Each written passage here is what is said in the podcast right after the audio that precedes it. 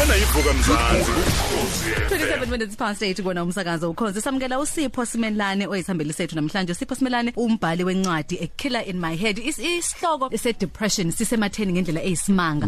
Eh njengamanje njengoba kudlule emhlabeni uprofessor Mayiso la kuvele khona ukuthi uthatha impilo yakhe. Kwase kuvela ke kona ukuthi impilo yakhe uyithathe ngenxa ukuthi bene depression sibona abantu abaningi abahlukahlukene bebhala inkundleni zokuxhumana ukuthi nabo ke sebeke baphathwa i depression noma athi omunye ngi ingiphethe i depression noma into okuba ukuthi ihlale ihlale ivuke kumina i i depression. Okuyinto thina abantu abamnyama kuvele kuthiwa hamba uyesontweni uyokhulekelwa unamadimoni noma kuthiwa nje hayi kuzodlula noma kuthiwa we hayi nkosikazi uyibamba iqine. Lapho ngempela ngempela wena ubhekene nesimo esinzima ubhala incwadi ke noma wayebhale incwadi eh, usipho simelane a killer in my head sikubingelele sikwamukele sipho. Yebo eh ngiyathanda ukuthi nginibele nginibingelele eh, wena sisi eh, unongcebo nawe Butsipho lapho nabalaleli bonke ekhaya.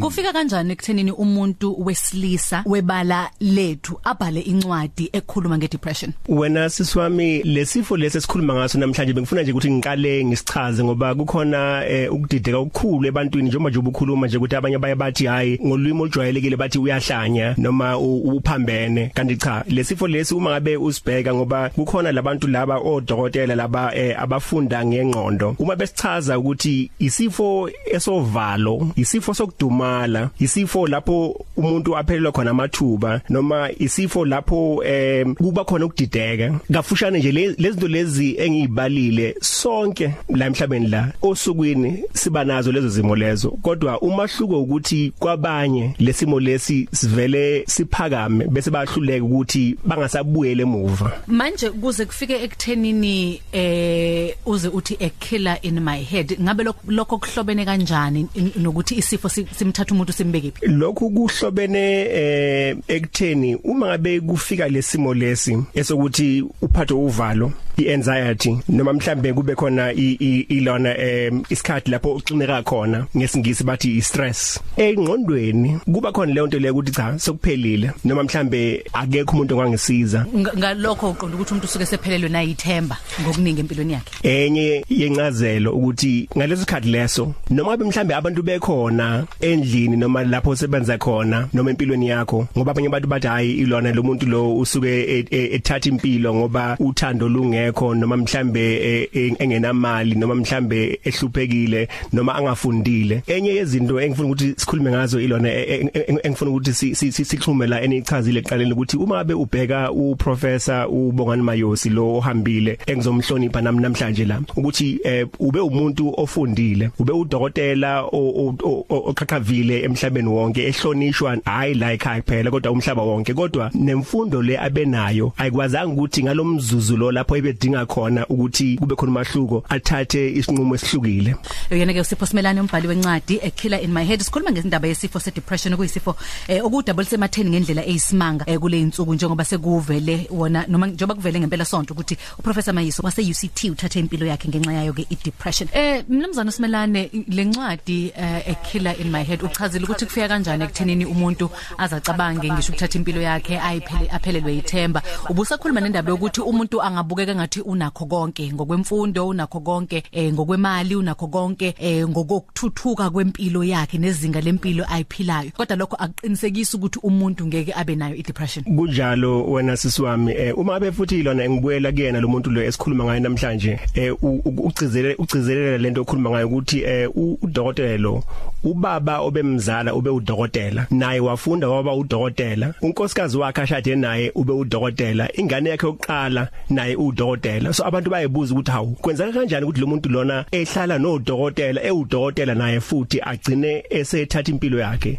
Yiyo lento le ebengichaza kodwa eh, kukhona ilona eh, eh, iphuzo elibalekile la elona engihlale ngikhuluma ngalo ukuthi eh, zintathu izinto ezihlukile ezenza umahluko e- e- empilweni yomuntu. Eyokuqala ukuthi izolo isikhathi osichithayo lapho ekucabangeni ngezolo ukuthi singakanani inamuhla ukuthi kwenzakalani namuhla nesikhathi osichithayo lapho. And then futhi nokuthi ukuthi ikusasa ngesingisi lapho abathi future khona ukuthi eh, uchitha isikhathi esingakanani khona. So umahluko phakathi komuntu ophilayo naloyo ogcina ese esehamba emhlabeni ethatha impilo yakhe ukuthi eh, laba abagcina isikhathi esiningi kuyizolo eh, baspenda cishe ukuthi u70% and then kunamuhla bagcina ilona ebaspende ulona u20% and then kukusasa ilapho isikhathi esike khona baspenda u10% or kube ngaphansi kwalokho. Kanti uma ngabe ufunda izincwadi ezichaza ngengqondo nangempilo ukuthi eh ibalance lapho okufuna ukuthi okufuna ukuthi khona kulomkhakha lo owezolo lapho ufuna ukuthi uspende isikhathi esincane khona u20% kunamuhla kube u20% futhi and then isikhathi esiningi kufuna ukuthi sibe kukusasa ukuthi kuzoyenzakalani uzokwazi ukuthi uvuke impilo uzoyithola kuphi ithemba likuphi. Uspende u60 60% lapho. Mm.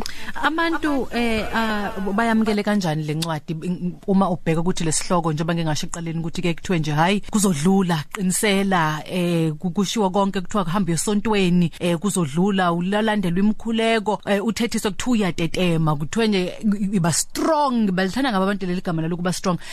Yamkeleke kanjani lencwadi ekuthini abantu babhekane nalo iqiniso le depression into engiyenzile emva kokuthi qhamukele le ndaba lezi zibhlungu lezi ngaya lapha ku kulona eh, ku social network ku Facebook ngabhala ngomfowethu usibalo sami. Hey em ngiyangasha uvalo ucishe ukuthi ilona eh, within em insuku ezimbili abantu abadlula ku 5000 kuya ku 6000 bekhuluma. Abantu okodokotela eh abameli amaphoyisa othisha bathi hey nami nginalenkinga le bengisaba ukukhuluma ngoba khona ihlazo elikhona elikhulu. Kukhona nabanye abefundisi. Into esabisayo ukuthi khona umngani wami othi hey ngilahlekelwe umngani obe umfundisi wayibulala wathatha impilo kodwa ubesaba ukukhuluma ngoba kuyihlazo ukuthi hey nginenkinga ngalesimo lesi okuthiwa incindezeli noma i-depression noma i-stress noma i-anxiety.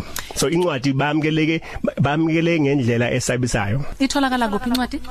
Eh incwadi lena eh, njengamanje ilona ngoba benginehlazo lokuthi angifuni ukuthi iphume ngenza incwadi eyodwa cha. Kodwa emva kokuthi ilona eh, ngikwazi ukuthi ngithole i-energy and ngithole futhi eh nokuthi ngikwazi ukuthi ngiphume emva kokuthi uprofessor eyibulele ngase ngihamba ilona so itholakala ku amazon.com and then eh, kukhona futhi eh, ilona online elendawo le ibizwa ukuthi iBarnes and Noble. And then bese kuba khona futhi eh, ilona eh, nenye indawo kuthiwa iX Libris. But um khona abantu engikhuluma nabo lana okuyibo laba abakhipha izincwadi uma bekuphela eh inyanga lesiya kuyo le uAugust ngomhla ka30 zizobe seyikhona izincwadi eyitholakalayo.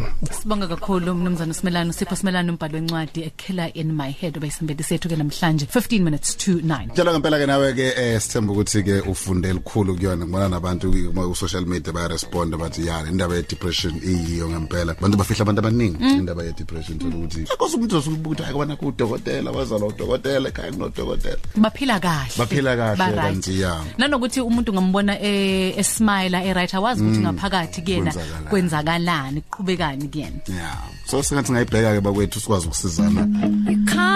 Uma ikhona cause hey umuntu uthola ivalele endlini thu uzothatha amaphilisi. Uvuke kusena lesekho bedinga nje ube khona umuntu akhuluma naye. Uxoxe.